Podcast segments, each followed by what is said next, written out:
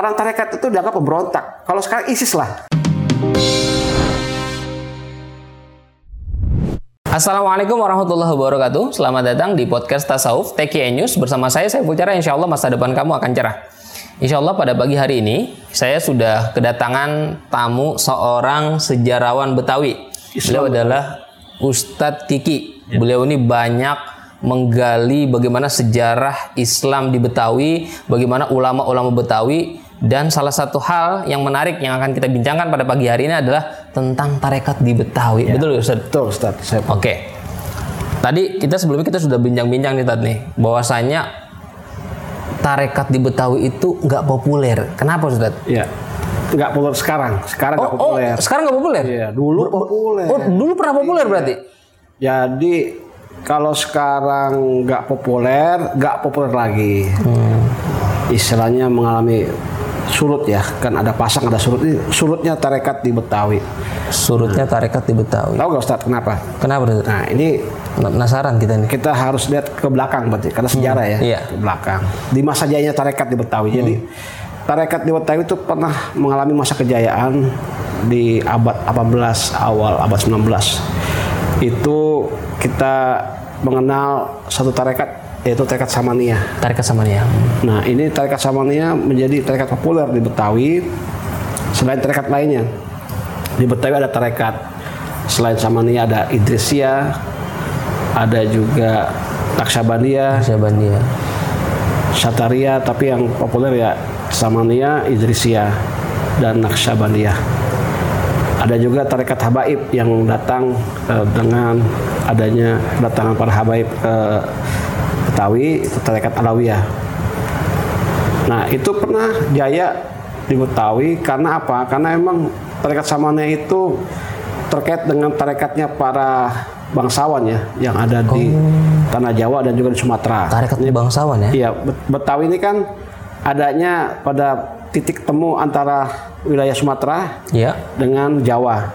Istilahnya itu di tengah hubungannya dengan Jawa dan Sumatera itu dekat, itu Betawi ya. Jadi tahun 1821 tarekat Samania menjadi tarekatnya Sultan di Palembang. Jadi di Palembang itu namanya Samania dengan Kesultanan itu seperti dua kopi mata uang logam, nggak terpisahkan. Jadi begitu terkaitnya antara eh, Kesultanan dengan tarekat Samania.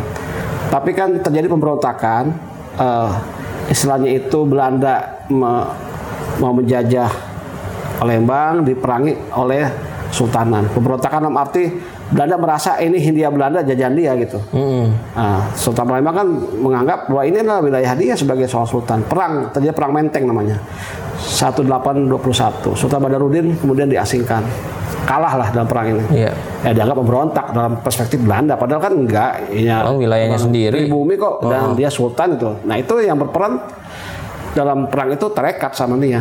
Nah saya ingin ngomong begini kenapa? Karena ini menjadi satu perspektif yang melihat orang-orang kok tarekat perang kalah sama Belanda gitu kan. Iya. Nah, udah. Nah, ya itu kan jadi jadi eh, ini satu hal yang eh, negatif di mata umat Islam. Kenapa bisa kalah dengan orang kafir? Padahal mereka bertarekat. Kan Iya. istilahnya tuh kalau tarekat kan orangnya pasti dekat dengan Allah. Kok dengan dekat, dekat dengan Allah kok kalah dengan Belanda yang kafir? kan jadi Logika sederhana lah gitu Nah, ya. sederhana, logika sederhana aja tuh Ustaz Asep. Nah terus terjadi perang lagi yang paling besar di Nusantara. Tidak ada perang yang paling besar di Nusantara selain perang ini. Namanya perang di Penogoro. Nah, perang yang dipimpin oleh Pangeran Diponegoro paling besar yang bikin hampir bahkan bukan hampir bikin bangkrut Belanda lah perang ini. Eh, ketika itu terjadi 1825 1830. Iya. Berarti sekitar eh, empat tahun setelah tahun, tahun. perang Menteng Palembang itu. Itu juga dimotori oleh eh, para pengikut tarekat, tarekat Sataria. Di Penogoro itu, Pangeran Penogoro itu tarekat Sataria. Lagi-lagi di perang paling besar kalah juga tarekat. Kalah juga tarekat. Dua kali kalah nih. Dua kali kalah nih. Nah. Yang tadi tadi eh, tarekat Samania, Iya. yang Palembang, Iya. ini Diponegoro tarekat Syataria. Sataria kalah lagi sama eh, Belanda yang kafir yang jauh dari Allah itu kan. Heeh. Nih saya ngomong begini agak berbeda dengan para sejarawan lain meng- mengulas Iya. mengapa tarekat semakin nggak populer. itu. Heeh. Tapi tetap di Samania orang tetap senang bertarekat ketika itu. Nah, nah Habib Usman bin Yahya Mufti Betawi lahir tahun 1822 setahun setelah perang Menteng jadi Palembang dan Habib Usman tumbuh di masa di mana tarekat mengalami kekalahan yaitu di perang. Dan Habib Usman tahu itu dan kakeknya Habib Usman kan tokoh tarekat Samaniyah. Nah, tapi kemudian mengapa Habib Usman ketika sudah dewasa menjadi seorang yang fakih dalam uh, bidang agama Islam terkesan tidak setuju dengan tarekat, terkesan anti tarekat, Terkesan. terkesan. Lagi-lagi ini tadi latar belakangnya mungkin melihat tarekat kok memberontak terus terhadap pemerintahan. Iya. Karena ketika itu kan belum ada negara, belum ada Indonesia. Hmm. Ya kan, yang Iya. memimpin ini ketika itu Belanda. Belanda memenangi peperangan dengan banyak sultan, meng- menaklukkan banyak sultanan kerajaan di Indonesia. Kan Belanda adalah pemimpin yang sah ketika Iya. itu terhadap rakyat Indonesia, Eh, Nusantara ketika itu ya, Nusantara belum ada Indonesia kan? Belum. Masih jauh kan? Kita kan mereka saya bilang belum ada negara. Jadi usah melihat ini kok kayak eh, dianggap bukan lagi kaya, bugot ini. Orang tarekat itu dianggap pemberontak. Kalau sekarang ISIS lah. nah ini sehingga apalagi eh, di zaman Habib Usman itu muncul amalia-amalia yang sudo tarekat. Sudo tarekat itu seakan-akan tarekat, padahal bukan tarekat. Itu ilmu hikmah. Tentu kan bagi para pengamal tarekat paham. Tapi sebenarnya anti tarekat nggak Habib Ah, Usman itu? begini. Ini kan orang-orang yang sekarang seperti kita yang pengamal tarekat kan ngerti antara hik- ilmu hikmah dengan tarekat. Kalau tarekat kan pembersihan kolbu, Hmm. Iya. ya pembersihan jiwa, ruh. Kalau ilmu hikmah kan ngambil untungan, nanggok untung. Oh, Untuk- nanggok untung. Kayak pesugihan syariah. Ilmu hikmah itu ingin kaya lewat jalur syariah. Jadi ada tuh Ustaz Asep istilah istilahnya tuh Nanggok. nanggok ya. Jadi saya pakai istilah baru tuh pesugihan Iya, iya, syariah. iya, iya. Nah, itu muncul di zaman Habib Usman marah itu. Nah, orang menganggap itu tarekat. Jadi, jadi Habib Usman juga ikutin bahasa. Jadi masyarakat. ada kesalahan persepsi masyarakat. dua kali, dua kali jadi jeleknya tarekat itu. Satu adalah bugot, Dua dipakai, Dua, dianggap, dikasankan itu tarekat padahal bukan. Nah, du- dua tarekat adalah seperti ngejual-ngejual ayat, ngejual-ngejual dunia dengan agama gitu. Ya tadi itu eh, ajar-ajar ilmu hikmah yang eh, dianggap dijadikan eh, sebagai bagaimana tarekat. Jadi dua kali cacat nih di mata di mata masyarakat juga gitu. Eh, tarekat itu. Nah, ini eh, itu yang bikin tarekat ada lagi populer. ketiga, Ustaz. Oh, ada lagi. Ada lagi yang ketiga yaitu s- ketika itu masih ada guru guru ini guru mukni kuningan. Guru mukni kuningan ini adalah salah satu motor tarekat penggerak tarekat Samaniyah di Betawi. Guru mukni kuningan. Hmm. Nah, sekarang kalau kita tahu eh, turunannya adalah Kiai Haji Lutfi Ya, Ahmad yang Lutfi sekarang Fatullah. beliau jadi kepala Basnas Basis DKI Jakarta. Iya. Itu keturunan daripada Guru Mukni. Guru Mukni itu tokoh tarekat Samaniyah, tokoh. Nah, ketika Guru Mukni masih ada hidup, beliau bisa menjelaskan tentang amalan tarekat Samaniyah. Ya gitu kan. Nah, ini masalahnya ketika Guru Mukni wafat, ustadz-ustadz penggantinya tidak bisa menjelaskan. Oh. Terutama manakib manakib Jadi- seksaman. Manakib seksamannya kan kalau orang awam kalau ustadznya nggak paham itu dianggap syirik semua isinya. Barang siapa masuk ke rumahku maka akan kan siapa yang menyebut namaku itu kan wah Jadi banyak terjadi Nah miskomunikasi. ini nih ya. bahayanya Ustaz. Bisa jadi menimpah tarekat-tarekat sekarang nih. Kalau ustaz-ustaznya nggak paham, Nggak bisa- Hmm. menjelaskan, terutama pada manakibnya. Ini ini hasil ini loh, studi ilmiah loh dari seorang peneliti Hmm. ya untuk kepentingan karya ilmiah dia meneliti tentang tarekat samaniyah ini. Ini salah satu penyebab utamanya. Ketika itu ada gelombang arus pembaruan Islam, gerakan tasdid ya dari Wahabi kan Iya. di tengah. Itu bikin habis tarekat samaniyah. Nggak populer sama sekali. Karena ketika itu datang ustadz-ustadz itu mereka melihat tarekat ini ya mereka pemurnian ajaran Islam kan. Eh, berdakwah supaya orang jadi tarekat Ustadz tarekatnya nggak bisa jelasin, padahal sudah mengakar nih di masyarakat, Iya. gitu. Akhirnya kemakan karena emang lagi-lagi Iya. di, Komunikatornya di ya. amalan ini di ajaran manakibnya itu manakib Tuan eh, Syekh Saman ini yang sangat rentan kalau ustadznya tidak menguasai itu Itulah manakibnya ini bahaya. Makanya di kita juga begitu kan ada manakibnya ini kan core eh, inti daripada salah satu tarekat itu kan ada acaranya eh, di ini dia amalan manakibnya itu kan.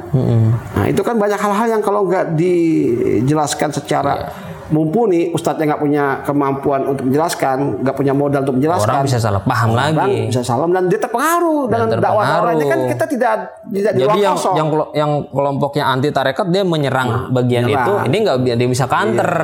Oh, gitu. Jadi eh, Itulah penyebab ini- tarekat di Betawi mundur. ini yang menyebabkan tarekat Samaniyah akhirnya lama-lama habis kafir karena nggak ada lagi ustadz yang mampu menjelaskan manakib Tuan Syekh Saman gitu. Kalau guru mukmin masih hidup bisa jelaskan dia sehingga orang nggak oh ya ternyata nggak syirik ya ternyata nggak bid'ah ya. Hmm. Karena isinya itu kalau salah-salah itu bisa jatuh. Iya bisa salah dipaham. Salah Itulah paham. pentingnya. Nah, itu pentingnya ini kompetensi ustadz nih. Nah, Kompetensi. jadi Lagi-lagi. perlu nanti iya Lagi-lagi mau nggak mau itu. harus kita itu sekarang ini eh, sudah bukan lagi pilihan, harus sudah serius untuk mengkader ustadz-ustadz juru dakwah membalik-membalik yang betul-betul kompeten, menguasai dan siap untuk bertarung dengan orang-orang yang memang tidak sepaham sama kita. Bertarung artinya untuk menjaga menjaga Jaga kelestarian. menjaga komunitas kita, menjaga ikhwan kita supaya tidak goyah amalannya, gitu, tidak goyah pengaruhi. Karena emang lagi-lagi titik sensitifnya itu di manakib. Ya, kalau nggak Titik sensitifnya di iya, manakib. manakib itu. kalau jikir-jikir ya orang jikir bisa Sama lah gitu bisa ya. sama gitu Ah. kan. Hobi kalau ya, kalau kalau iya. ada hobi. Hobi. Oh, udah sepakat semua.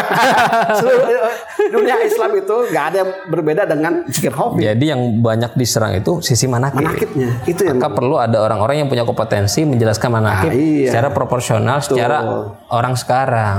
Tuh. Gitu. Itu jadi Ustadz Saiful jadi karena Ini ulama-ulama- top- topik kita nih topik kita Oh. udah Ulama-ulama ulama-ulama Betawi kan banyak yang bertarekat kan banyak banyak. Saya terakhir kita tahu kehilangan ulama Betawi terkemuka yang memang dikenal populer loh itu. Yaitu almarhum almarhumullah Abuya Kiai Haji Said Amsir. Nah, itu kan beliau dikenal sebagai ulama fikih ya yang juga paham tentang eh, filsafat pemahaman agama tapi beliau seorang pengamal tarekat Sajiliyah Sajiliyah. Beliau juga tergabung di Jatman. di Jatman Oh, oh Jamiah Ahli Thariqal Mutabar An-Nadiyah tuh. terus Guru Marzuki juga ya. Guru Marjuki tarekatnya Alawiyah iya. jadi eh, sebenarnya ulama-ulama itu di Betawi yang dulu yang terakhir tadi Abu Bakar Selesai bertarekat jadi bukan sesuatu yang aneh masalahnya kemudian sekali lagi mampukah tarekat itu bisa memberikan sesuatu yang membuat pengamalnya tuh memahami bahwa ini ajaran bukan di luar Islam loh ini ajaran Islam loh gitu loh. Dan ini sudah dibawa turun menurun Dan oleh ini ada sanatnya loh. Nah, dan ini, ini, ada kan berarti kan cara menyampaikannya gitu. Gitu, cara menjelaskannya, kemampuan menguasai khazan Islamnya Betul. terhadap arkanuddin ini sendiri. Nah, ini kembali kepada eh, penguasaan eh, Ustadz. Lagi-lagi kembali kepada ustadznya sendiri yang harus kita eh, koreksi. Jadi bagaimana Dad supaya tarekat ini bisa eksis di zaman now? Apa tadi Dad? Ya. Kompetensi. Satu, kompetensi penguasaan terhadap seluruh amalan, ajaran yang ada di tarekat, terutama di hal-hal yang sensitif seperti manakib, Hmm. manakiban itu sendiri gitu. Itu kan kisah-kisah yang yang orang kalau sepintas ini syirik ini gitu kan. Iya. Nah, nah, nggak tahu pengertian syirik itu apa ini harus harus kuasai. Kemudian kedua itu adalah tarekat yang solutif. Ya, solutif Memberikan solusi. memberikan solusi terhadap. Nah, tapi ini ini yang menjadi salah satu gimmick ya, salah satu daya tarik tarekat karena dia mainnya di wilayah kolbu kan, di wilayah rasa, wilayah psikis ya, dan sekarang kan banyak orang yang sakit psikis ya, Oh sakit iya, jiwa. apalagi bagi pandemi kayak gini ya. Oh, apalagi dalam kondisi seperti ini banyak yang kena PHK, Iya. mereka larinya ke ustadz untuk tenangan batin. Nah, salah satu, Padahal tarekat salah satu yang mahal. ya. Nah, ini ini momentum. Sebenarnya kalau dalam arti gini, ketika ada terjadi krisis ekonomi, itu tarekat harusnya naik daun. Gitu. Karena emang ini ada ada demand, Emang ada orang- permintaan. iya, betul. Sekelompok-kelompok orang yang bukan saya katakan sekelompok, banyak orang yang akhirnya perlu ada ke, eh, muara ketenangan yang memberikan oase buat dia tuh stabil lagi eh, jauh dari kegalauan, kecemasan akan hidup, masalah ekonomi, pendidikan anak-anaknya, kemudian masa depan eh, keluarganya gitu. Butuh ada memberikan ketenangan. Nah masalahnya Ustadz aja nggak tenang, Iya. Ustadz aja galau, kenapa? Ustadznya nggak bertarekat. Ustadznya aja ketenang.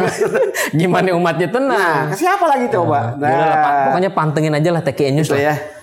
Subscribe TKN News dan jangan pernah eh, kita mengabaikan apa tadi Ustadz kompetensi bagaimana kita bisa menyampaikan mas tarekat ini secara benar kepada masyarakat sehingga tarekat itu tidak disalahpahami Iya. dan bisa membuat tarekat ini kembali menjadi populer terutama di Betawi. Ini terima kasih Ustadz Kiki. Sama-sama. Ini diskusi yang sangat menarik. Mudah-mudahan ini jadi PR ya, jadi ketukan lah dorongan semangat buat semua pengamat tarekat, semua penggerak tarekat untuk lebih menguasai tarekatnya masing-masing sehingga bisa menyampaikan kepada masyarakat dengan cara yang benar, yang proporsional, yang tadi, yang kedua, yang solutif, yang memberikan solusi bagi problematika di masyarakat. Terima kasih. Sampai jumpa lagi di podcast selanjutnya. Insya Allah podcast tasawuf TKN News bersama saya Cerah. Insya Allah masa depan kamu akan cerah. Assalamualaikum warahmatullahi wabarakatuh. Waalaikumsalam.